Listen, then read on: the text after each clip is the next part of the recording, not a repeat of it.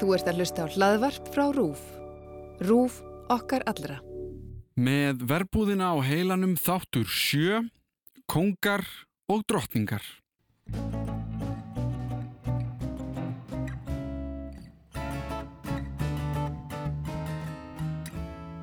og skussin, hann fekk bara það sem hann átti hann átti ekki að fá meira en hann hann gall veitt Myndalinn er aldrei að segja, segja söguna. Myndalinn reyfist ekki nema, nema manneskinn reyfist eða, eða það er einhver sérstök tilfinning sem þú þarfst að streikundir. og akkur varu menn að setja þetta inn í? Af því það þurfti að bjarga fullt af fyrirtækja það var 56% af þessi eigu sveitafélaga Jón er mættur og þeir grímur setjast niður í fiskvinnslunni til að tala saman þó ekki um framhjáhaldið heldur frumvarp sem Jón hefur í hyggju að setja fram um frjálst framsal kvótans sem myndi þýða mikinn gróða fyrir fyrirtækið. Restin af stjórninni mætir á staðin og einar krefst þess að nú verði öll spil lögð á borðið. Engin leindarmál, ekkert ruggl. Jón byggðist afsökunar og það er ákveðið að láta á þetta reyna. Þau enda öll á fyllir í saman, brjótast inn í kirkju, synd út í sjó ásamt til að gera allt vittlust í fiskvinnslunni. Það sem kennar í sæjunar er meira sig að byrjaður að vinna. Þegar kvöldið fyrir að síga á faraðu flest heim en Grímur og Harpa ákveða að fá sér eitt bjóri viðbút um borði í tógaranum. Þau reyna að ræða málin en enda í sömu flækju ástar afbríðsemi særinda og reyði. Hlutinir ganga of lánt og Harpa fer. Grímur er frekar ráðaviltur en ákveður að fara á eftir henni sem fer ekki betur en svo að hann rennur í stegunum niður úr skipi og ofan í sjó. Næsta dag er Jón mættur til Reykjavíkur og fylgir eftir frumvarpi sínu á fiskiþingi sem fær góðar undirtæktir hjá öllum svo ekki er neitt til fyrirstöðu að máli nái fram að ganga á alþingi. Á meðan býður Harpa stressuð upp á skrifstofu og veltir fyrir sér hvar maðurinn hennar sé eiginlega því hann hefur ekkert sérst. Hún fær símhringingu og hleypur niður á bryggju þar sem grímur er dregin upp úr sjónum og lagður dáin niður.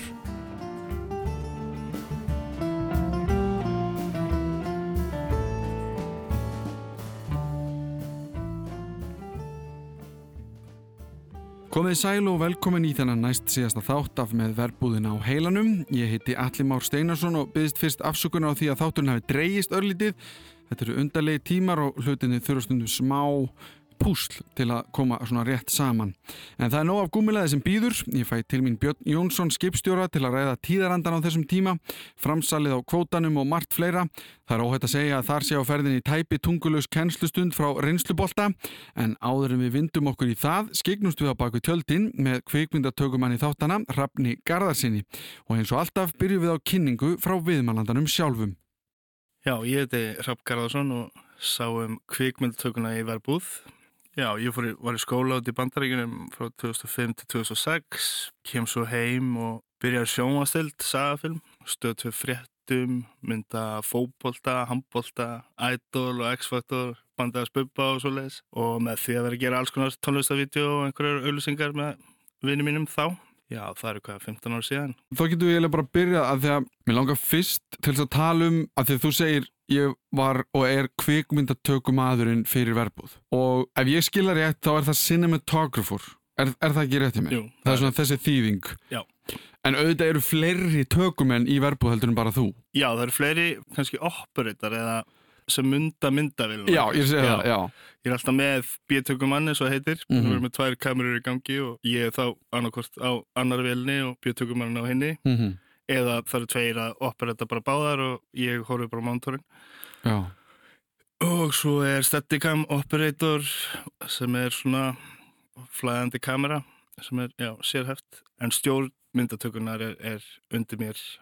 Og hvar í ferlinu kemur þú inn? Sko, ég fæ símtal frá Gísla þá er ég að pakki tösku bara til að fara til Söður Ameríku Mm. í þrjá mánuði. Eh, og hann byrði mig um að koma að fund. Ég þekki hann ekkert, bara ég veit hvað hann er sjálfsög og Vesturport. Af því að hann sé með verkefni sem hann langar að bera undir mig. Já, út frá því hef ég bara svona samleiksviðræðir og, og ég enda með að hætta við ferðina út. Hvað er það sem þú byrjar á því að gera? Sko, ég byrja bara á að lesa handriti sem sögu. Mm. Og fá, fá upplunna bara sem sögu á þess að vera að pæla í endilega kvikmyndatöku eða hvernig við ætlum að gera þetta eða alltaf þegar ég lesi þetta handrit þá veit ég ekki að ég er að fara að lesa bara besta handrit sem ég lesi á æfinni sko. Og bara Og hver var uppháðlega tilfinningin þín? Manstu það? uh, uppalega tilfinningi mín Þú veist, fannst þetta drama, varstu bara, ok, wow. já, mér, fa- þú veist, þetta var dramatíst en þetta var skemmtilegt að ég mani, ég stóð oft bara að lesa sko, mm Mhm. þegar ég var spenntur að peysa um herbyggið Já. og já, þetta var handriti var aðeins dramatískara þegar ég las það en, en þegar við svo executum það Já. Og Já. þú ert þarna komið, ok, þetta eru þessi ár og þá, í hvað ferð þú þá að leita? Í hvað reffa? já, þá fer ég hefst mikið vinna bara í að fara ljósmyndasafn Ísafjörðar og þjóðmyndasafnið og skoða bara myndir síðan þá, skoða litina veist, hvaða litir voru í gangi á þessum tíma, hvernig áferð er á myndunum frá þessum tíma, hvaða filmu var verið að nota. Já, hvernig, þú veist, þegar þú tókst ljósmynd í gamla daga, þú veist, þá var það bara ljósmyndin, þú veist, hún fangaði bara tíðarandan, í Mhm. dag er það aðeins öðruvísi kannski. Mm -hmm. Þannig að þú veist, allir þessir reffar og mút sem að reynir svo að bara herma eftir komið til skila í okkar mynd. Og það er kannski, ef við förum í svona tæknilega hlutan Já, af þinni vinnu, að þá er það í raun, orða reikningsdæmi þitt, hvernig nægi þessu fram og það eru einhverja stillingar bara sem að þú einhvern veginn reynir að vinna með. já, eftir að ég er búin að ákveða hvað lúk mér langar að elda, Mm. Þá held ég að við höfum tekið þrjá, 35 daga með ljósadelt og kameradelt þar sem við erum bara í stúdiói að prófa bara. Mhm. Prófa mismundi filtera framan á kameruna, einhver lita sem breyta litunum aðeins, prófa mismundi stillingar, myndaðalni, prófum endalust að litum fra, fyrir framan ljósin veist, og endalust af tegundaljósum Og þetta er þá allt með Sigga sem að að, ég er búin að tala við. algjörlega. Og, og þessi og hann sagði sko rosa mikið, ég var hérna bara krumma til aðstofar sko, ég, við vorum bara reyna einhvern veginn, hann sagði bara eitthvað hérna og við vorum reyna að vinna alltaf hérna, þetta jafnvægi saman. Já, já, þú veist, okkar samstarf raun og veru bara eins og samstarfs míns og leikstjóruna. Mhm. Þú veist, við erum bara, þú veist, ég er komið eitthvað lúk og hvernig við ætlum að gera það finnum við svo út og saman og hann bætir sínu ofan á. Og snerist það þá einhverju liti um að því að hann nefndi á þessum tíma voru þessar ákunni perur Já, og náttúrulega minna, eins og tungstenperur eða svona glóperur, mm það er gefa frá sér meira gullljós. já, algjörlega og svona gefa frá sér harðara ljós og við ákveðum með mitt að reyna að nota minnst, þannig að rosa mikið að lett ljósum í dag Mm sem eru bæði léttari og taka minna rafmagn og miklu, miklu fljótari að vinna með því Mm. en að, reyna að nota bara gömlu tæknina, gömlu tungstenlampana og gömlu leðin að lýsa sem við gerðum mjög mikið en stundu þurftum við náttúrulega að nota digital þegar tíminn leði okkur ekki annað. Ertu þá að byrja að nótera í handritið eins og hjá Kristínu Júlu þegar hún var að skrifa, heyrðu, hún harpaði með gleru í þessu eitthvað. Ert þú þá að byrja að skrifa inn, er það að fara yfir handritið bara svona skref fyrir skref og reyna ákveða hvernig hvað lukkar og allt það? Já, við ákveðum kannski bara eftir hverju locationu fyrir sig. Já. Hvað, hvaða ljós er að koma inn á gluggana, hvað eru við með inni og hvernig litirnir blanda saman. Mm -hmm. Svo náttúrulega vinn ég með búningadeild og leikmyndadeild um hvaða liti þau eru að vinna með og við viljum ekki vinna móti þeim, við viljum vinna með þeim. Já. Og er þetta í samstarfi að því að sko, auðvitað er allt samstarf og leikstjórnir hafa náttúrulega bara mjög mikið seg í hvað er í gangi. Ert þú þá að skila inn eða svona senda á þá þetta er mín hugmynd og sem kemur tilbaka eða eru þeir fyrirfram búin að kannski segja þér einhvern veginn að því ég er svo mikið að þetta er svona ekki á hænan sko. Sko eins og í þessu tilfelli gefa þær mér kannski svona nokkra punkta, bara, Mm. þú veist, hvað þið vilja. Það sem ég tók er, er litríkt, performance driven og þá kem ég kannski með einhverju lausnir á því sem er þá að blanda litum, blanda ljósi í staðin fyrir að reyna að, að vera með einhverja skæra liti eða, eða þannig og performance driven, veist, við ákveðum að fara, fara þá leið að veist, þú sér voru sjaldan öxl í forgrunn þegar, Mm. við erum að taka close-up af einhverjum Mm -hmm. og við erum yfirleitt er kameran beint fyrir framann manneskina Já, einmitt. Hún er ekki á reyfingu myndalinn er aldrei að segja segja söguna, myndalinn reyfist ekki nema, nema manneskinn reyfist eða, eða það er einhver sérstök tilfinning sem hún þarf að streikundir Eins og til mér, dettur bara í hug þegar að grímur kemur fram í hemagunn já, fram á svið. Og þá sjáum við allt í hennu eins og við séum frá honum séð, Mhm. þú veist eins og svo ákvörðun. Já, var það einhvern veginn við viljum fá fyrstu personu upplifun já, eins og það, já, svona point of view að því mér fannst það aldrei sko svona, ég ætla ekki að segja kannski stílbrot en við höfðum, höfðum ekkert séð þannig áður fannst Nei. mér einmitt, þegar hún kemur, kemur niður á sviðinu já, en þú veist, þá vildi Marja einmitt, þú veist, ég, er sammálega að þetta var, er stílbrot en þetta er hans upplifun, já, Já. og þú finnur, finnur hana kannski. en það er þá eins og þú segir sko Marja vildi það Já. Þau, þau áhrif. Já. Já. algjörlega, og það er kannski tilfinningin sem þú ert að tala um af því að það er kannski lítið erfitt að einhvern veginn að því raun ertu þú ert að tala um hvað tilfinningu þú færð. Þá meina ég bara þú þú. Mhm. fyrir senunni og hvað þú vilt ákveða. Og þá er það í þessu tilviki hefur leikstjórn sagt já ég vil hafa þessa tilfinningu alveg ná henni. Já, eða þú veist við viljum, hvað er grímur að ganga gegnum mm -hmm. við viljum fanga það. Mm við viljum fanga hans tilfinningu og hvernig gerum við það en af hverju er þetta með að eins og þú sagðir það er aldrei öxl alltaf beint framan á? Yfirleitt ertu með overshoulder sko, overshoulder og þá ertu með öxli mynd og kameran er kannski aðeins að slæta til hægri eða aðeins að slæta til vinstri og svo ertu með þröngalinsu og allt út úr fókus þú veist, á bakviðan mm -hmm. En ákvörðun okkar var í staðin fyrir að myndaðin sé á bakvið einhvern og horfa yfir öxlina. Sem er svona típist viðtals sem að þekki kannski okkur um þáttum og rúf eða eitthvað.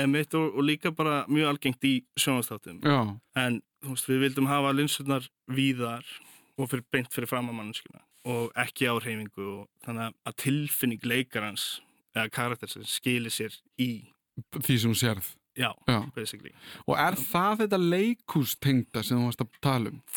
Eða þessi lifandi, að þeir náttúrulega koma úr leikúsi, Gísli og, og Bjöllinur sem eru Já. að leikstýra flestum þáttum, Marja reyndar er með þannig eitt þátt, eins og þú sagðir, að að þá ímynda maður sér að þeir hafi einhverja ákveðna sín sem er kannski á skjön við það sem er, ef að segja, og nú er ég að gera gæsalapir, venjulega gert. já, þú veist, ákvörðun er að kameran er ekki sko, það er líka, þú veist, það er ákvörðun þannig að nota víðalinsur og, og allt í fókus og svona sem er, sem tengist þessu ekki endilega Mm. Þú veist, þannig að, þú veist, eftir samtal við þá bara, það eru svona nokkra key ákvarðanir sem við tökum kannski, að það er eftir, þú veist, að ég er búin að skoða allar, allar þessar myndir og, og sjá hvernig þessi heimur var, þú veist, þá tökum við ákvarðanum að við viljum sjá allt, Mm. þú veist, umhverfið okkar, söður er þessu skjóttumynda, þessi ómnendi bær Mhm. fyrir vestan, er karakter, það er einn af karakterunum, snjór er einn af karakterunum, Mhm. búningarnir eru karakter og við viljum sjá þetta allt. Þannig að þess vegna erum við að nota rosa mikið af víðum linsum. Og það er allt í fókus. Veist, allt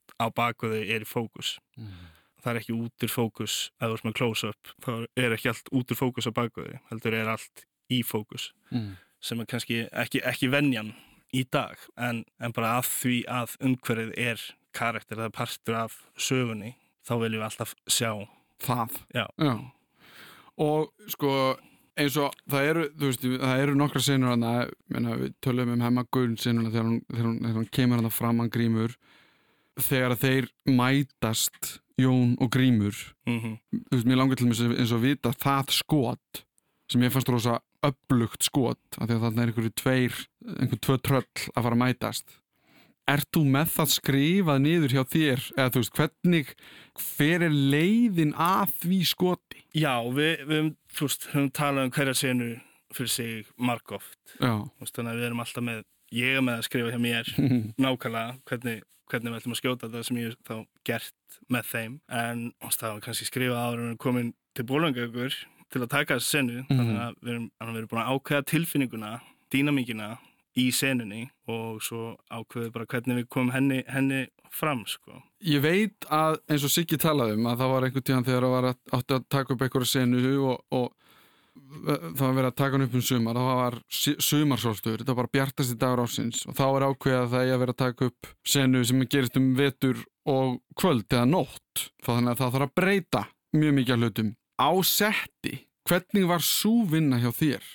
Þú veist, ertu með þetta plan sem er, þið eru búin að komast að í saminningu og er svona planið og er síðan einhvern veginn, ok, einhvern veginn er alltaf að tala um, sko, þú þarf að þekka þekka innan hvaða ramma þú ætlar að vinna til þess að geta að byrja að leika þér með hann. Er það tilfellið þarna? Við vitum hvað planið er en sem getur það kannski, heyrðu, nei Björn er að gefa svona performance, breytum aðeins fókusnum á því sem við erum að gera. Já, ég er alltaf með plan. Um hvernig ég ætla að gera hlutna Já, en það er einmitt til þess að geta breytt hlutunum þegar þú kemur á sett svo Mm. mm. að ef þú ert ekki með plan þá fyrir allir tímiðin í bara að leysa hvernig þú ætlar að gera þessu senu í staðan fyrir að vita hvernig þú ætlar að gera senuna og geta þá verið eitt tíman mér að vera kreatív um, um hvernig þú ætlar að breyta senunni Og þessi, þegar þú ert á kamerunni á móti því þegar þú ert bara að horfa á mónitor og það eru aðrir sem eru kannski að stjórna kamerun sjálfur. Ég veldi bara fyrir mér, ertu þá að fara eftir tilfinningunni sem þú ert að fá af því efni sem þú ert að horfa á? Getur þú verið einhvern veginn svona hlutlaus eða einhvern veginn meðan þú ert að horfa á þetta? Já, ég er alltaf að fara eftir tilfinningu leikarnas Mm -hmm. og er, er að grípa hana Mm og hún er oft kannski meira eða minni en, en ég held hún, hún er því. Þannig er alltaf dans á milli mín og leikarnas og leiksturins Mhm. að tilfinningin breytist, hún er dramatískari eða þá breytist skotið, þá breytist hreyfingin, þá breytist mútið, breytist lýsingin kannski og náttúrulega byrjum alltaf að æfa senu og þá finnum við að mútið er svona og þá ákveðum við hvernig við ætlum að exekjúta hver skotin verða og, og þannig. Breytist það mikið upp frá upphaflega planinu eins og þú sást eitthvað fyrir þér og síðan á móti því sem raungerðist? Voru margar senur eða eitthvað slíkt sem að það kom svona eitthvað herðu? Þetta er aðeins að breytast það þegar Kristján Lóðnfjörn talaði aðeins um það að kannski var einhver, eitthvað, eitthvað svona performance svo stert í einhverju senu að það var pínu ákveðið, herðu, tiltum aðeins og tökum fleiri skot af þessum karakter. Var mikil munur á kannski því sem stóð á blaðin og því sem kannski var síðan á staðinu?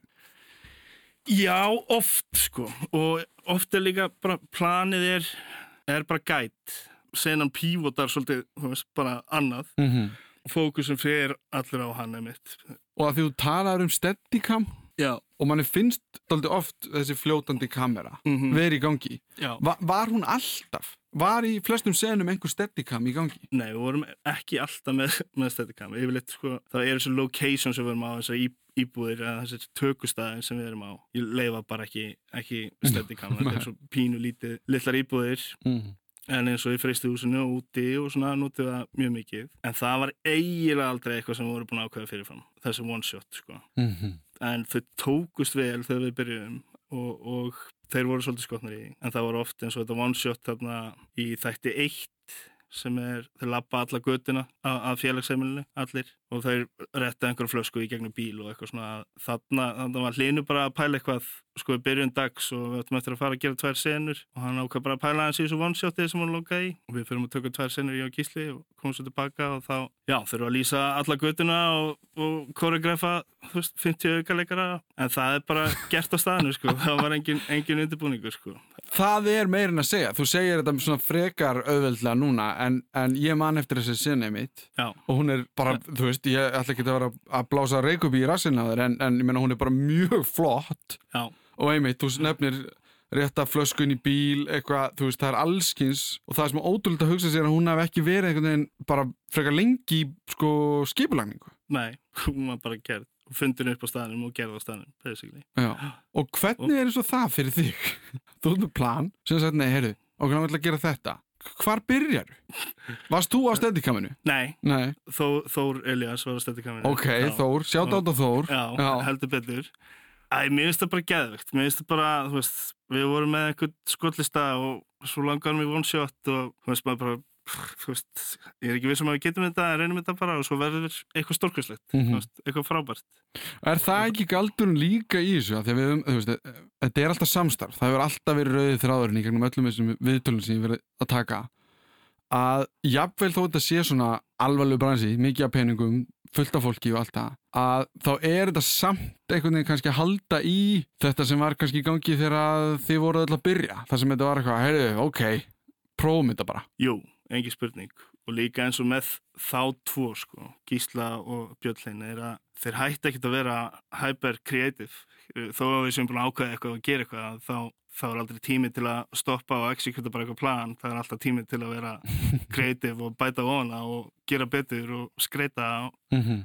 En eins og lita samsetningin þín mm sem þú talar út frá myndunum. Já, og ég hugsaði alltaf mikið um Herdís og, og Kjartan sem voru að tala um þemað, tónlistar þemað hjá sér mm sem er alltaf gegnum gangandi í gegnum þáttinn. Hvernig var að lifa með þessum ákvörunum eða þú veist, þessari þú veist, ég farið eins og þú sagðir hann inn þú og Siggi og leik, leikmyndahönnur allir og er að vinna alltaf í senunum og hvernig er þetta að fara að líta út? Hvernig var að halda sér í þetta er mín ákvörðun um útlitið á seríunni? Sko, það var oft, oft smá skeri.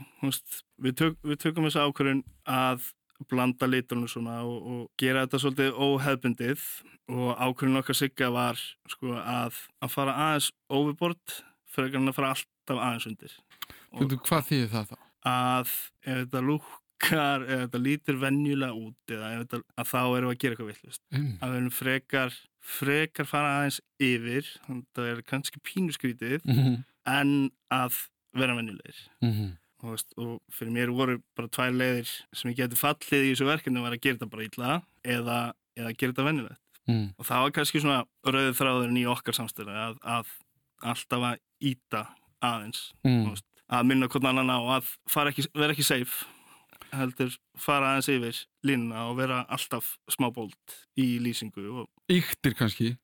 Já, yktir Já, já, og þetta sé alltaf skemmtilegt að þú veist, all, allir rammar séu skemmtilegir, það er eitthvað í þeim. Það eru, það eru lítir í þeim og það er spennandi ljós í þeim. Og vissulega var það eftir tvær, þrjár vikur veist, þá var þetta alveg smá skeri að fara þessa leið en maður það bara að trúa á sína samfæringu Já, ég hugsaði mér, þú verður að treysta þóldi á bara nei, ég held að þetta sé rétt ákvörðun. Já, 70 dagar eftir hérna og ég, og ég ætla að halda mig við þetta En síðan var, var einhver ákvörðun sem kom frá Gísla og Byrnilini með dag á móti nótt. Ég meina, það var einhver breyting þannig á í, í ferlinu sem að kannski breytti dálítið hvernig það þurfti að vinna þetta. Já, eftir, eftir nokkra daga í tökum þá erum við búin að gera nokkra dagsinnur og nokkrar nætursinnur og þeir sjá til bara að þeim finnst nætursinnar miklu fallari og miklu dýnamískari og vilja þá breyta handritinu í kvöld.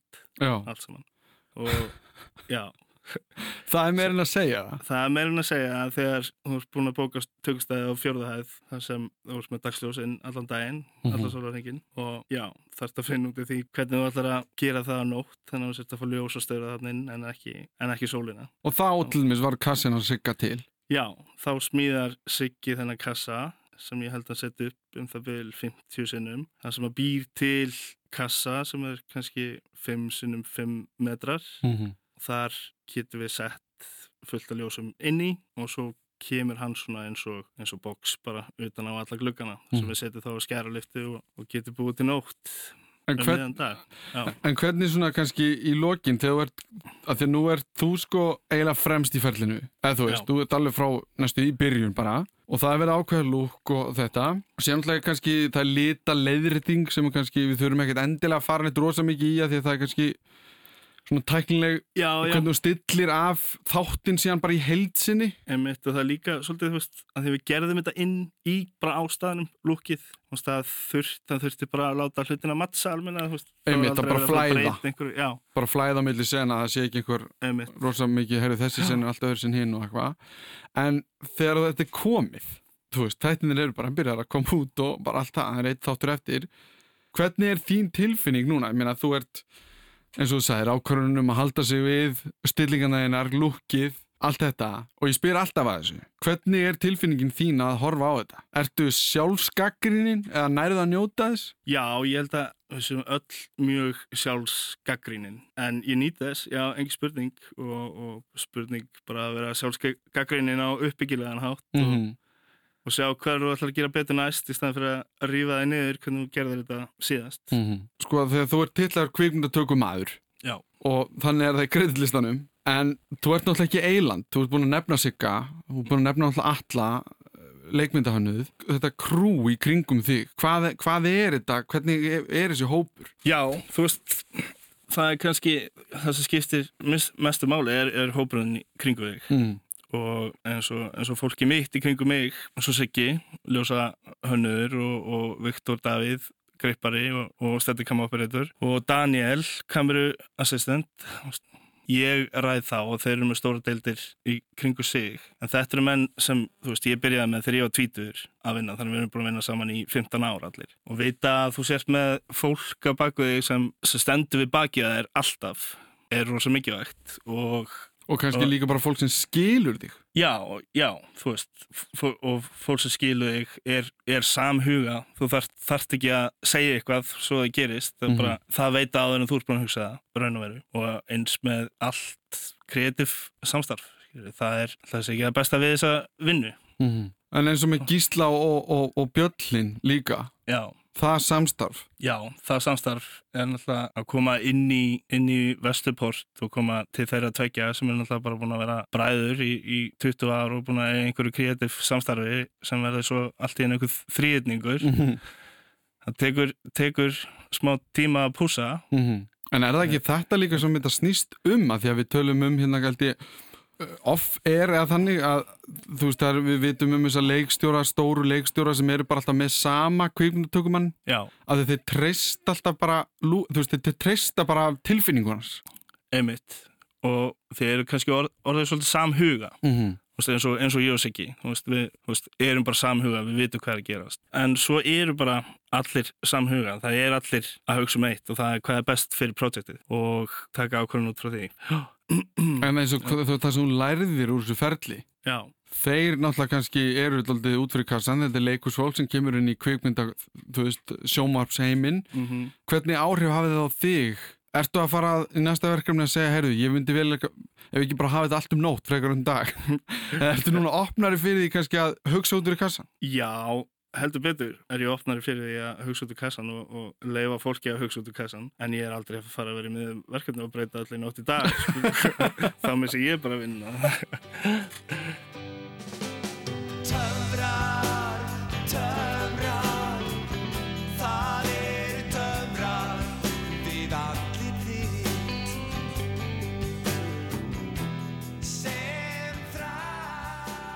Ég heiti Björn Jónsson og er uh, byrjaði til sjós 1955 ásett á síldabót.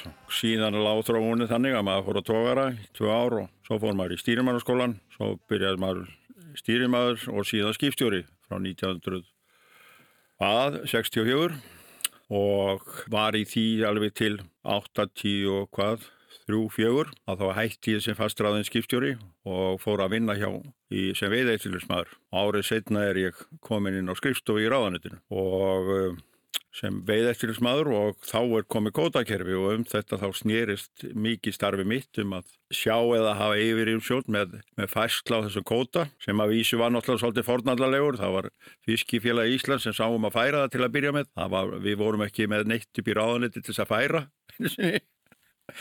og, og millifæra svona aflamarkinan ársins. Og ég er í þessu, í þessu sem deildastjóri hann í rest og til ársins 1900, að var það nú, 1991, að þá bjóða útvismenn LIU mér að koma til þeirra til að halda eiginlega sem að hjálpa mönnum að því að margir vi- vissi ekki svona hvernig þetta virkaði, kerfið. Það var búið að vera alls konar sóknamörk og, og, og, og bara ótilandi kerfi fram, fram til 1901. Nú kem, kom nýtt kerfi þar sem allir átt að vera í aflamarki. Þannig að hugsunni var á smábátanum þó að það klikkaði þegar þeir voru settir í svona bandakerfi. En það, það er allt annað.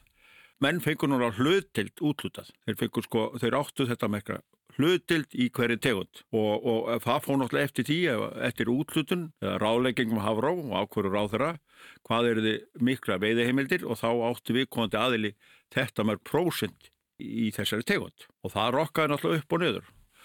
Svo uh, vex þetta og vex náttúrulega þannig að, að menn halda, hvað var ég að segja til að byrja með þá er þetta voðalega lítið um að vera. Að menn fannst aflaheimild alltaf dýrar þó það væri nú eiginlega að hugsa bara tryggingamatt skipsins og svo pluss eitthvað móttir í en svo fóru aflaheimildin að skipta höfumáli að menn voru að kaupa fyrst og fremst kóta og fyrir 91 eh, frá 86 heldur mínu, já, þá gastu samin að kóta. Þú átti kannski tvö skip og gast fært á yfir annað, betra skipið, og þá þurftur að úrelda hinn. Þannig að hafa bara verið að veiða sömu tónin úr sjónum. Þetta var bara hagkvæmni sjónami fyrir vikóti. Og það voru nokkri aðeinar sem að gátt að hagrætt svona. Að, að eh, eiga tvo báta og saminuðu bara eitt bát og, og bátnum var síðan brent eða hvað sem var gert við að hafa bara úreldur var. En eftir 91 þá máttur þú fara að selja hverja hlutil fyrir sig og bátur var síðan strípaður og það, það margir keiftu kannski þess að báta og notuðu þá í úreldingu eða í, í, rúmmetra til þess að kaupa stærra skip. Því þú þurftir að skaffa heimildir. Þú máttur ekki byggja eins og vildir. Þú varst að skaffa rúmmetra til þess að stækka skipið. Þannig að þau keftu bara kannski ónýtt skip eða, Já, eða sem, svona ja, fór að, lé- þeir kannski letu sinn sem var lélæri heldur en þeir keiftu, það bara fór eftir því hvað var skip, betra skipið. til þess að geta stekka. Já, en þetta var líka vandamál, bankandir voru með þetta skip og þeir voru oft, fannst mér, að selja þetta ævindiramönnum sem ætlaðu að fara að gera út og leia til sín kóta. Mm, þetta er eftir 91. Já, eftir 91. Já, Þá voru þessi bátar kótalusir, þeir fengast að kóta bankin, menn komið með einhverjar útreikningar sem voru nú svolítið skrýtnistundum um að þeir ætla að gera svona, þeir ætla að leia kóta af þeim sem áttu kóta, en þetta fór yfirleitt, fór þeir, fór þeir flest allir á hausin. Mm Því það, það gæti náttúrulega ekki gengið að, að gera út og borga allt saman og, og mannakaupa allt saman og leia allar kótan, það, það getur ekki gengið upp. Nei. Nei, Er þetta gullgrafaraæðið sem hann talar um í þættinum?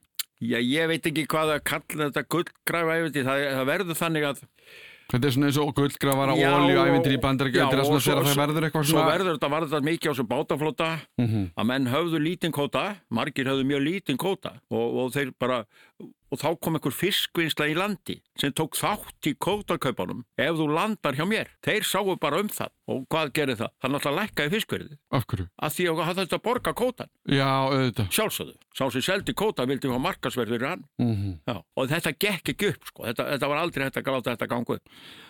En ef við förum í þetta framsal á kvótanum sem að er dóldi, það er dóldi svona þunga miðan í þessum þætti en þú nefndir að jafnvel þó að þetta sé árið, þetta sé tíminn þar sem að kvótin er gerður framseljanlegur til frambúðar og, og allt þetta, að þá er hugmyndin löngu komin að þú getur átt kvóta og leiktan eða seltan til einhvers tíma eða eitthvað slík. Já, fram til 91 þá, sko, frá upphæðu kótakerfis Mm. þá var alltaf hugsun að þú getur þú gætt uh, millifært kóta á milli skipa aflamark innan ársins, það er kallað aflamark Mm -hmm.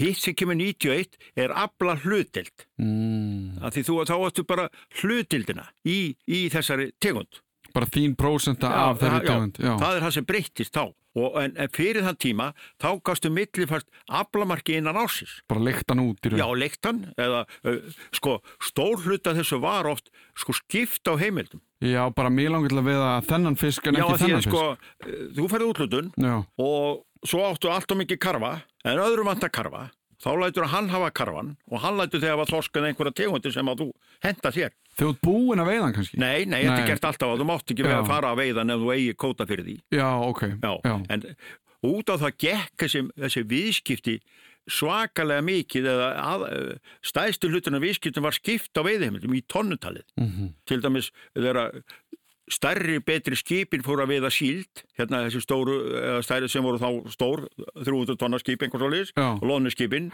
þeir áttu engan síldakota. Þeir þurftu náttúrulega að fá síldakota frá minnibátu sem áttan, Mhm. en á móti letur að hafa þorsk eða einhverja tegundir sem henda þetta, þetta gerði svona, það er ekki verið að sko, fjölmila svo alltaf sko uh, veltan í, í, í kótavíðskiptunum var svona margi miljardar en ef þú fyrir að taka pluss og mínus þá, ég skoða þetta svolítið það, það, þetta var, það var, það var allt annað Já, það var ekki dendilega að það væri einhver útgerð sem væri bara að kaupa allan kvóta Nei, af nei, einhverjum nei, fisk nei, nei, eitthvað. nei, nei. Þeir, voru náttúrulega, jú, sumi voru náttúrulega að kaupa eða vanta, en það vitalega var það þannig að mennu vanta, menna voru að kaupa kóta sumir og, og resilega, en þeir voru kannski að láta aðra Já, í selja aðra, já. sem að öðrum vantaði. Þetta var svona mikið pústuspil að koma þessu stundur saman.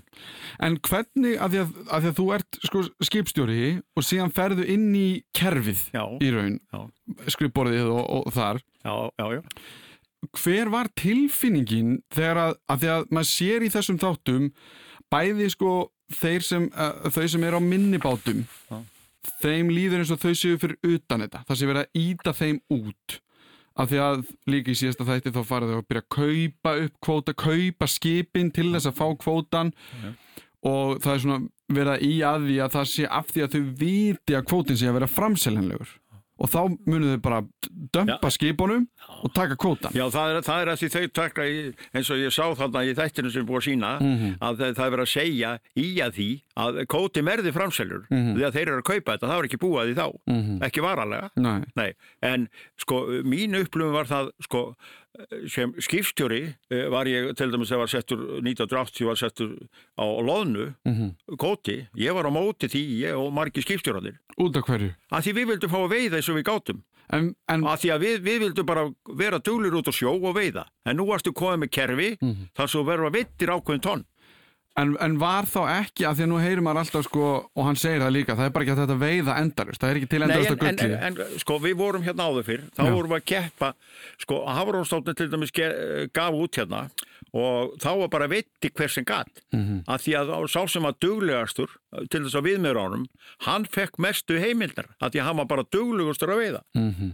og skussin, hann fekk bara það sem hann átti hann átti ekki að fá meira hvað er best fyrir kerfið? Ég, náttúrulega aflamaskerfið er best fyrir kerfið. Kvótakerfi sem sagt. já, eins og við sjáum já, í dag Já, að þú ert bæði með skipin vinsluna og söluna allt á einni hendi. Þjóðarslega kemur það best út. Þá kemur deilan á milli því hlutum til útgerðar, nei áhafnar fiskverði, sem að vísi hefur alltaf verið, það hefur alltaf verið frá því ég byrjaði til sjós. Það var alltaf verið að rífast um fiskverð já en, en síðan náttúrulega kannski breytist þetta þegar að þú getur verið að fara með fiskin út sjálf, er það ekki? Jú, Og ha- að því að þau fara allan til Grímsby að höll og allt í er það að fá miklu meiri pening. Já, það hefur alltaf verið til að þú gast farið í siglingar og, og selt og fengið herra afla og þeir gerðu það margir og sérstaklega var það einstaklingsútgerðir sem voru ekki með fiskvisla baku sig Já, þeir náttúrulega voru að veðja það að reyna og margir síðan þróast það að það kemur þessi gáma útflutningur. Á, já, fisk, já. Já, að það var, menn sildi áður á skipunum með þetta og þetta tók langa tíma og allt saman. Svo, svo kom gáma útflutningur og þá fóru menn að setja þetta í gáma og flytja þetta með flutningarskipum að því þeir fengu harraverð og það er hann sem gerir vegna þess að það var alltaf borgað hérna áður fyrir allt og lágt fiskverð á Íslandi. Mm og þú, þú uh, viti það á þessum árum sko útgerðin mátt ekki græða. Hvað mennur þau? Hún mátt ekki hafa neitt hagnað genginu var stilt eins og útgerðin þurfti Byrjum við, Hver, á, á hverju máttu hún ekki hafa neinn hagna? Já, Var þetta ekki akkur- allt, voru þið ekki öll að verða úrslag rík? Nei, þá, það, það þá að laga gengið það þurfti alltaf á hinvegin að laga gengið og þú sér, eh, sjáum það bara að, að fiskverðum að skoða þegar við fórum að selja ellens akkur fengum við herra verð út þarna hinum einn við vatnið Ekki hugmynd. nei, ég var mörg ári að, að veiða neyri í Norðursjó Já. og það var bara þrís að fjóru sem herra verð á síldinu þar heldur hérna Út af hverju? Að því þeir bara borga minna hérna. Það var notað þetta nær því svo einokun veslun Já. Já, og það var búið til sko fiskverðið hefur alltaf verið svona deilumál. Vellarsráð og alls konar svona dótari kringum þetta. Og það eru fulltrúar voru uh, fristjús eða fiskkaupenda sjómanna og ottamar var frá ríkinu. Og Til þess að ákveða fiskiverð. til ákveða fiskverð. Þetta, sko, fiskverði var yfirleitt ákveðum áramótin Byrjum við, þetta er mjög veist svo skrítið. Var það Já. ákveðum áramótin? já, svona upp úr því Já, já, sem, og var einhver sem ákveða bara það, það óháð markað? þessi nefnd fulltrú útgerðamanna sem voru í mörgu tilfellum sami aðilin og, og var átti fristjúsitt eða sömu aðilarnir. Sem vildi þá hafa hvað, lægsta verðið? Hæst... sjálf lægsta verðið. Já. til þess að borga því við vorum til sjós á hlutaskiptareglunni. Mm, þannig að við fengum herri laun eftir sem tekið núr meiri. Til þess að borga sjómunum Já, sem að því minnst. við erum á hlutaskiptareglum. Við erum, sko, það er og það var engin, sko maður sagði stundum svona kannski að það, væri, það var ákveði fiskverð í janúar. Í apríl var gengið orðið þannig að það skipti engum máli. Það var búið að laga gengið. Það var búið að lækka gengið Mm. til þess að útgerðamærin eða fiskverðir fengi fleiri krónur fyrir afverðum sína Og þau selja það síðan áfram Já, og græða náttúrulega miklu meiri peninga. Já, já, Þannig að þú, það var eiginlega hagstæðast að eiga fiskvinnsluna. já, það voru margir sem áttu bát með, kannski, ég veit, og saltfiskverkun Já, og þeir vildi náttúrulega borga sínu bát sem þeir áttu Mm. sem minnst til þess að taka hagnaðin á fiskvæslunni já, að því að sjómarinn er á hlutaskiptareglunni. Og er ennþá. og er ennþá. Já, en sem betur fyrir þetta nú orðið í dag að þetta sé orðið stór og góð skip og góður aðbúnaður og menn eru á góðu launum og geta get, tekið sér svona reglulega frí. Já, það er að þakka sig í þessi kerfi. Það er ekki, ekkit annað að að þakka því. Nei. að því að eh, menn verða að setja sér í stöðuna sem var hérna. 600 bátar eða skip hérna á Íslandsmiðum. Það er alltaf mikið. Já, í upphæðu kótakerri sem var nú þorskur skertur um 40% þá nú byrja á því Af því að til þess að reyna að stoppa bjargunum. já, já, að- já, það væri hægt að veiða meira já, og, og, og við vorum að veiða með allt á mörgum skipum allt á fá að fiska já. Já. En hvernig er þá þegar að þetta framsal kemur? Frjálst framsal. Það, sem, það, það, það er ekki lengur þessi lega. Þú getur sagt bara... Og, Leigan er alltaf, hún er ennþá í dag hún getur alltaf leikt, hún er alltaf já, ok, hún fer ekkert. Innan, innan, afla, innan ársins Já, ok. Já, En segjum sem svo að, að það er alltaf það er búið að opna þá tækifæri til þess að bara selja sig út. já, Ég talaði við einn sem að nefndi að á þessum tíma hefði verið svona partur af vandamálinu að fólk innan bransans hefði raun ekki almennilega skilið hvað var að gerast. Er það, er eitthvað til í því? Og þá meina ég kannski minni aðilar. Af því að eins og við sjáum í þættunum að þá eru kannski einhverjur útgerðir, stærri útgerðir það er fá veður af einhverju sem er að hugsanlega fara að gerast byrja kannski að plana eitthvað fram í tíman ég veit ekkert hvort að það sé endilega satt já ef maður, ef maður segir sko, við skulum segja upphafi þegar ég fer að vinna þarna í ráðanötunu fyrst til að byrja með og það var nú bara fyrir tilvílun sem ég, ég var bara ríðið með hann að segja veiðið til mann Já, og var að ferðast úr landi og skoða hvort að menn væri að vikta eða sko, og fara út á sjó og skoða og ég hafði bara svona gaman að því. Já. að bara breytum umhverfið. Má ég spyrja einu út, út, af, út af því? Að því að það er í einu þætt af verbúðinni þá er veiði eftirlitsmaður mættur. Já, já, og þau eru búin að veiða fisk sem þau mátt ekki veiða. Já, og þau felan. Lendur einhvern tíman í því? e, nei, ekki sem, ekki sem veið eftir við vorum þegar ég er til sjós. Já, Já, það kemur setna, sko, þegar þá kemur náttúrulega upp svo staða, jú. Að menn voru að eh, setja uh, steinbít og, og þá skundir. Svoleiðismál komur náttúrulega og það var tekið á því. Mhm. Menn sviftu veiðilegu og alls konar svona já, já. En uh, yfirleitt hefur nú verið mikið við tregða í allir þau opibir að taka menn og refsa þeim. Það hefur nú yfirleitt verið svoleiðis. Já, Okkur fannst það sem voru að vinna við þetta. já. En enn á þessum tíma, þetta framsal, skildi fólk, þú veist, áttaði fólk sér almennilega á þeir, þessu? sko, útgerðamaðurinn, hann náttúrulega, sko, fannst sömum eiginlega skrítið að geta leikt frá sér óveita fisk. Já, Já, og það byrjaði leigan í eitthvað túkall. já, það vissi enginn hvað... Nei, það bara, þú, bara, þú varst þetta svona og, og, og, og þetta byrjaði svona hægt og rólega. ha. Mhm. En svo náttúrulega kemur þrýstingurinn og það, það þrýstist þetta meira og meira og þetta Á verður... að gera þetta framsennalegt. Já, það vissi enginn sko, um það að það, maður hafði náttúrulega veður að því það kannski ég mann ekki nákvæmlega hvað það var en það átt að koma, nú verið selt, selt allt í aflamark og allt er þið sett og akkur varu menn að setja þetta inn í? Af því það þurft að bjarga fullt af fyrirtækjum. Þess vegna er það framsalsett til þess að ég getur fengið fyrir þetta einhverju peninga, Að þú, já, einmitt, einhver minni fyrirtæki sem voru ekkert bara... minni. Býtu, var, ekki, var ekki sís komin á voðanvöld, Sís, já, eða sambandið? Ég veit það ekki. nú, þú varst nú, þú varst nú bara nýfættur þá, Já, já, það Ég náði ekki að lesa blöðin þá. Nei, En, en, en, það voru það, sagt... þeir, voru, þeir, voru, þeir voru þá búið til alls konar sjóður og dótari og þetta sáum en að þetta gekk ekki upp. Það varð að gera þetta og það skulle vera vinstritjón. Stengrimir Hermansson í, í fórsettraðra og svo er þau með, svo var hérna Alþýðbandalæð og, og Alþýðflokkur, Mm, Jóhanna og Stengrimur Jóð, mm. þeir voru ráð, þetta var ráðherrar og þeir setja þetta á. Það er ekki sjálfdæsmenn eða hægri menn eða hvað menn er kallað á. Þetta er frjálsa framlega? Já. Nei, framsal. Já. já. Það er ríkistjórnstengrin sem fer frá völdum svo þarna uh, Davíð tók hvað við 91 þá, þá, en þá er þetta komið í gildi. Og, og til þess að bjarga fyrirtækjum til þess að að það gætu fengið eitthvað tilbaka Já, að því þú, þú ert með mikla þannig til þess að fá eitthvað fyrir, fyrir þetta, þetta gekk ekki og þeir gáttu selt þetta. af hverju gekk þetta ekki? Því, þú veist bara menn eru bara sömur eru bara duglir að rekka fyrirtæki og Já, aðrir þetta ekki. var bara þannig Já, það var bara býtu- sömu kunnit og aðrir ekki Akkur vorum við með hérna í upphafi kótakerfis 84 átt, nei, 56% af öllum heimildum voru í eigu sveitafélaga og ríkisins. Akkur. Já, Ég ekki, ég Nei, býtu, ímisli dæmi, við vorum með, býtu, skóesmið og akkurir og alls konar svona dótari, var það hagkvæmt? ekki Ég gerði það fyrir ekki Nei, það er til þess að by- fólk hefði vinnu. Já, Þetta gekk allt út á það að fólk hefði vinnu Mhm. í sínu sveitafélagi, hvort sem var Reykjavík, bæjar út í Reykjavíkur og Hafnafjörði og Akureyri og gekk út á það og við til bæjarúti voru náttúrulega í á fulli því að hjálpa þessu fyrirtækjum eða þessu, þeir áttu það meiri hluta niður. Já, þannig að, þannig að sveitafélagin áttu í útgerðinni. Já, það var 56% af þessi eigu sveitafélaga og ríkið er að vísu þarna, þarna norður á fjallabíð þarna, Já, þarna, þarna hvað er þetta, hérna Þormárama Já, það var ríkið sem átti það uppafi já, emmi. og byrju, þeir sko að skapa vinnu á staðnum. já, en svo kemur, svo kemur kostningar einhver stíðan hjá einhverjum sveitarstjórnarmönnum og Já. það kemur eitthvað okkur vantar sundlu við þetta já, við byggjum bara sundlu og hvernig við borga hana nú við bara leið, seljum kótan Eftir þetta framsal, frálsa framsal. já, Þá sjáðu tækifæri til þess að fá peninga inn í til bæfélag. peningin í sveitafélagi Að því þá líka komið raungildi fyrir Já, kvótan. en akkur geturðu- gerðu þeir ekki út? Það kemur fram í einu þætturinn þarna ákveður fyrir, fyrir norðan Já, að þau keifti hafnafyrði. já, Býtu, akkur heldur þeir ekki áfram að gera út?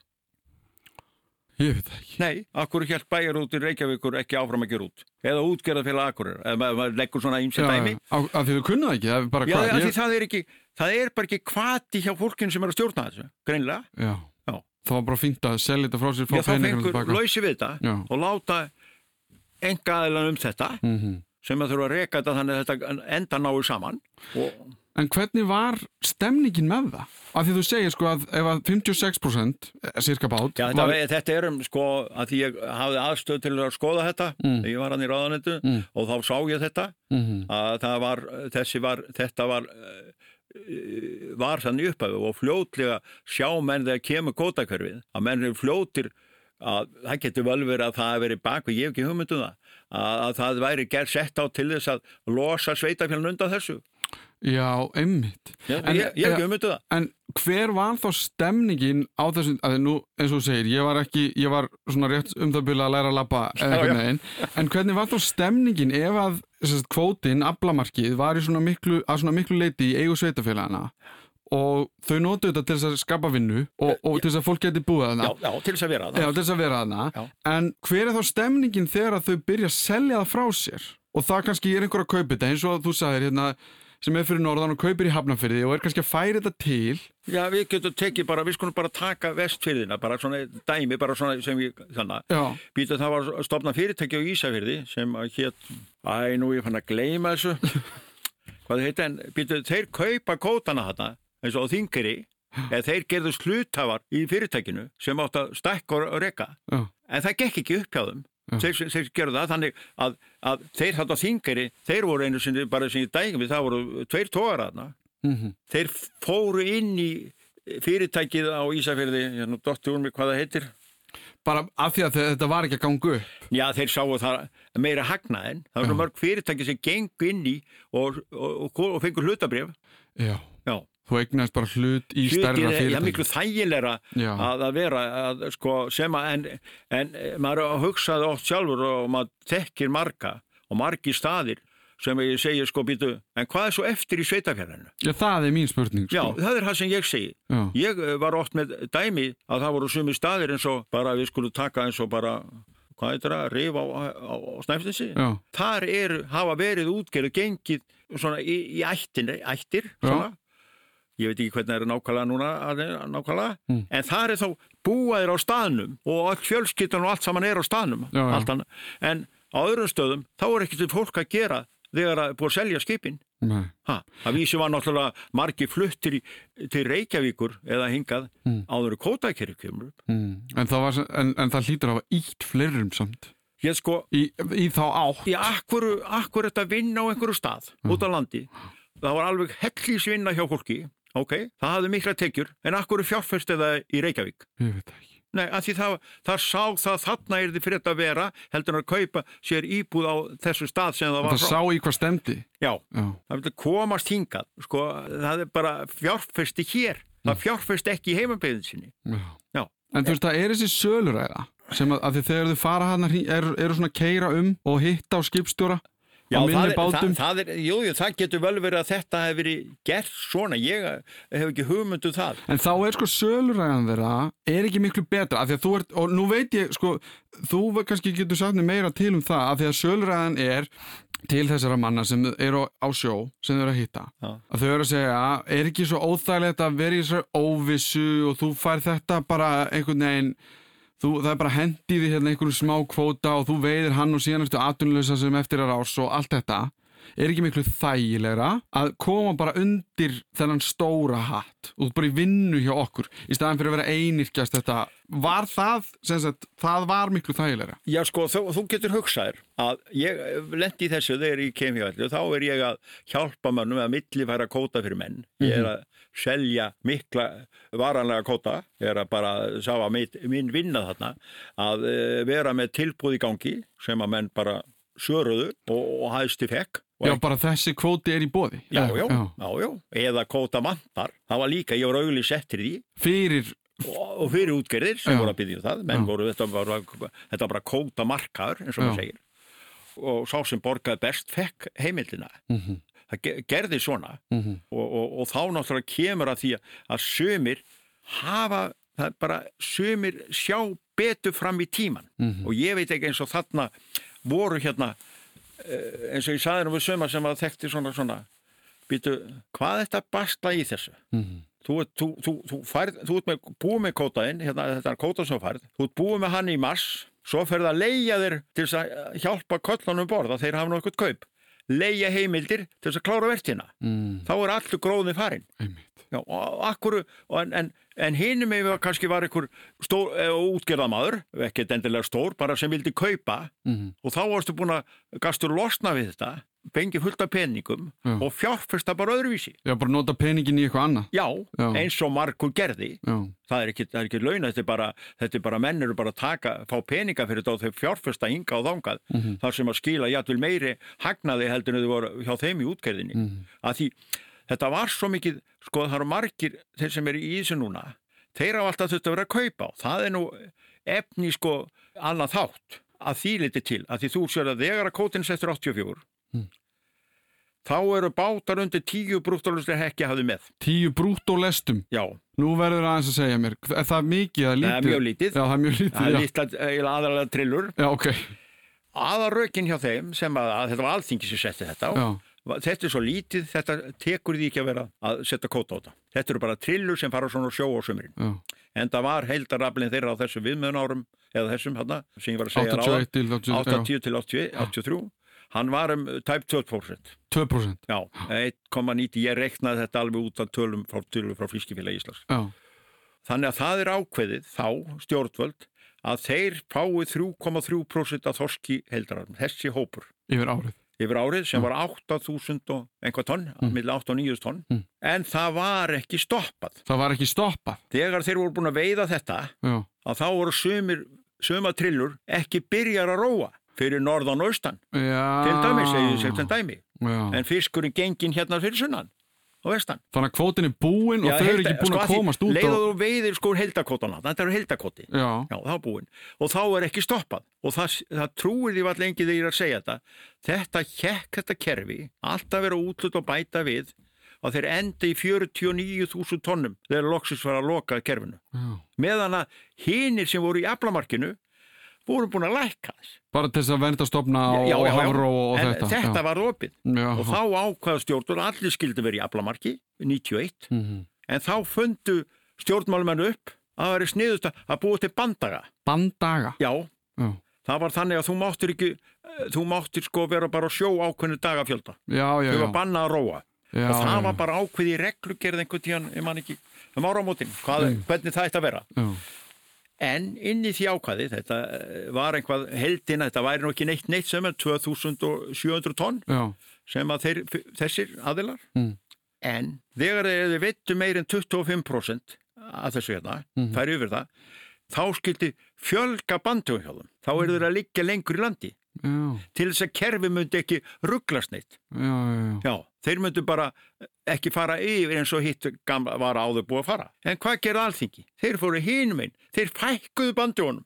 Einmitt. Já, og við, við já, já, það var gert. Já, Og síðan er, síðan er þetta kerfi hvað í þrjú, fjór ár og þá er þetta komið, mann ekki, 13-14 þúsund tonn úr 2700. Þá er allt í hennu fund nýtt, nýtt í viðbót, dagakerfi. Mm. Og, og, og notabenni, alltaf er búið til hlutild sem þeir fengu þessar trillur, mhm. eða smábótar, Mm. Og þeir gáttu þá selt það stórundurinn. já.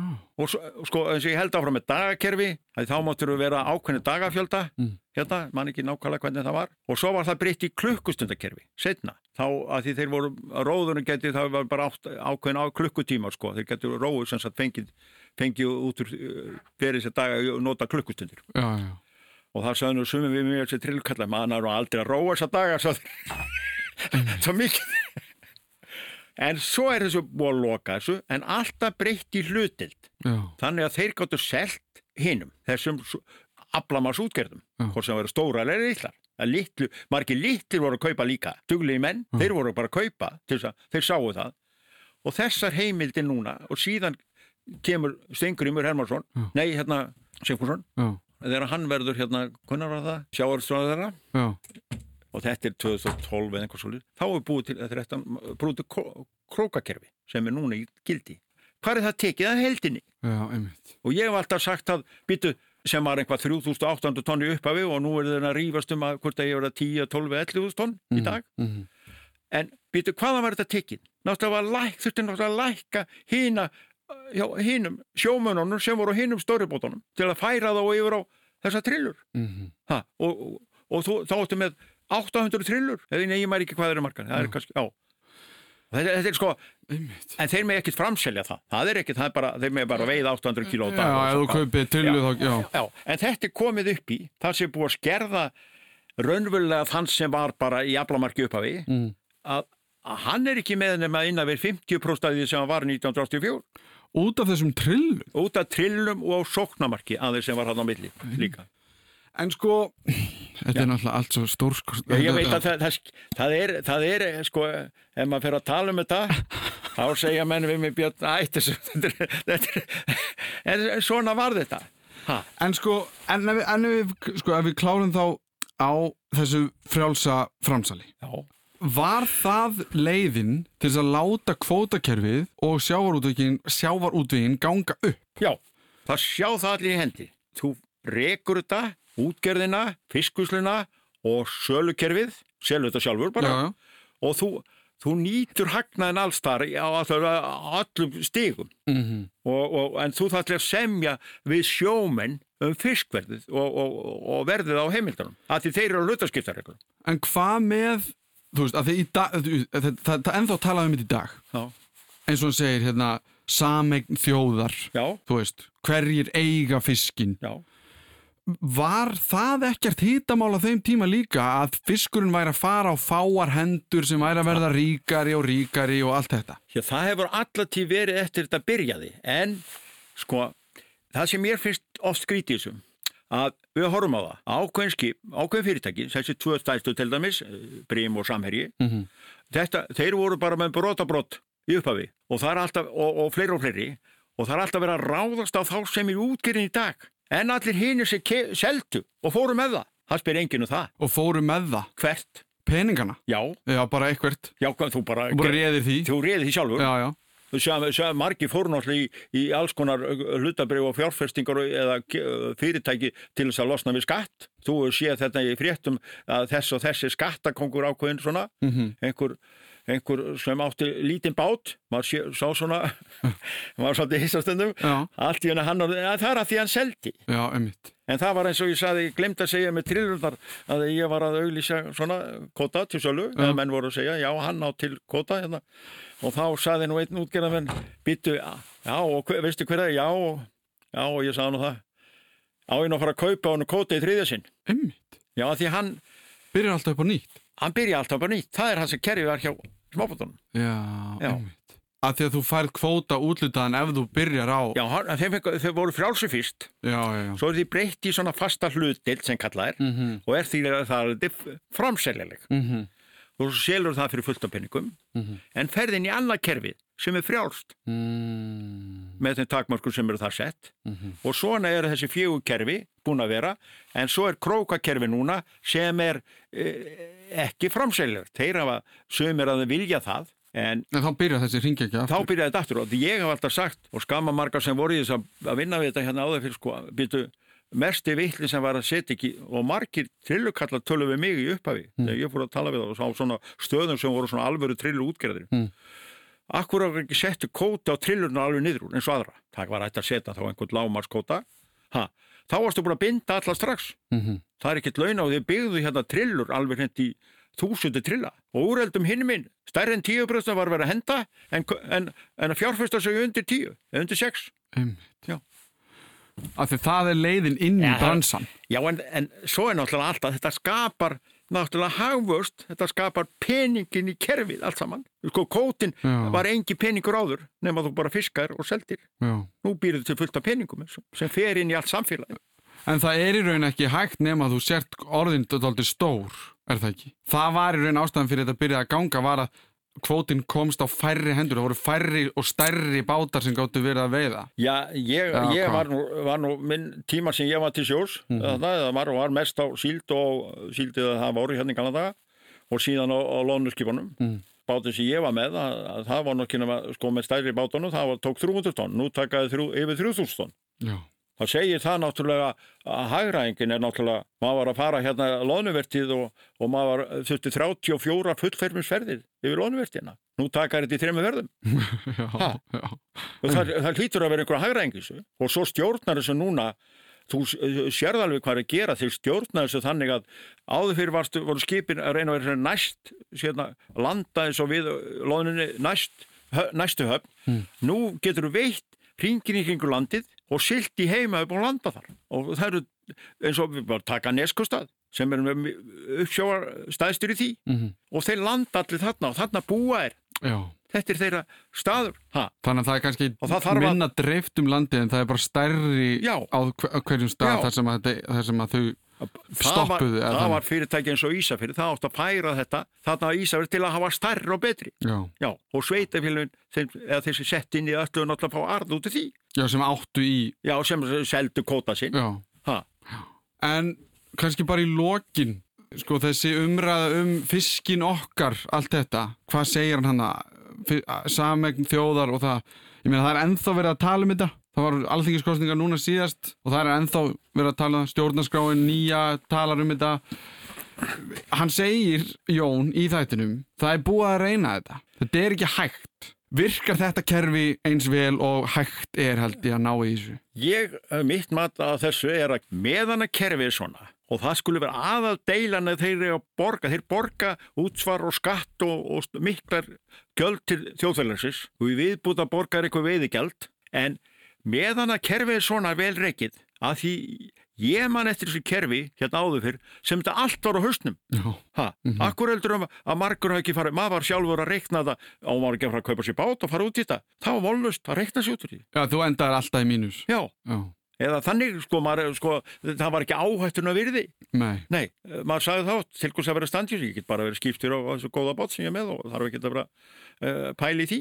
En eh, sko, þess vegna eh, finnst mér það mjög gott kerfið, en stjórnmálamenn, þeir eru náttúrulega, það, það er náttúrulega eins og hann sagði þarna sko, Guðmundur Landsilklára, þetta er, þetta er sko, þetta er uh, mót fáráleikan. Ég kalla það oft fáráleikin þetta er í alþingi sko. Já, Já, að því eh, ef þú hlustar á það, ef þú hlustar á umræðina og það skulle vera, Jóhanna sagði þegar hún kom af hérna kótan til þjóðarinnar, já, þeir hafa alltaf sagt þetta, en ég sé hvernig, hvað ætlar að gera? Ætlar að dreifa sem ætlar koppa grundir, ætlar að endveika bæjarútgjörðunar, hvað ætlar að gera? Vitanlegu að láta þá menn sem er í þessu, hæf, sem reka þetta, hæfast til að reka þetta, ha, og ef þið standast ekki, Nú þá er það að, þá fara þær á hausin og einhver annan tekur við, en ég þær að trúa þeir sem eru að reka þetta fyrir sinn og sínir hlutafar að þeir séu best til þessi fallir að gera þetta, en ekki einhver, einhver sveitafjölug. Það var fara öskun í eldin, sko.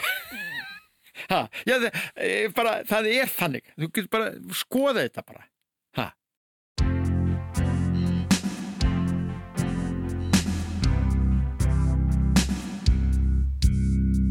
Þá er komið að lokum hjá okkur í þetta skiptið. Það er hálf undarlegt að segja frá því að næsti þáttur sé svo síðasti.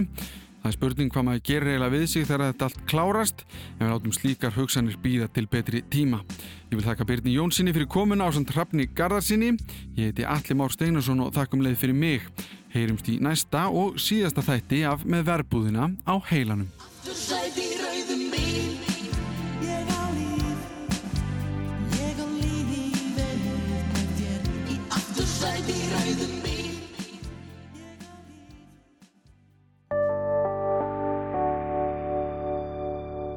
Rúf okkar allra.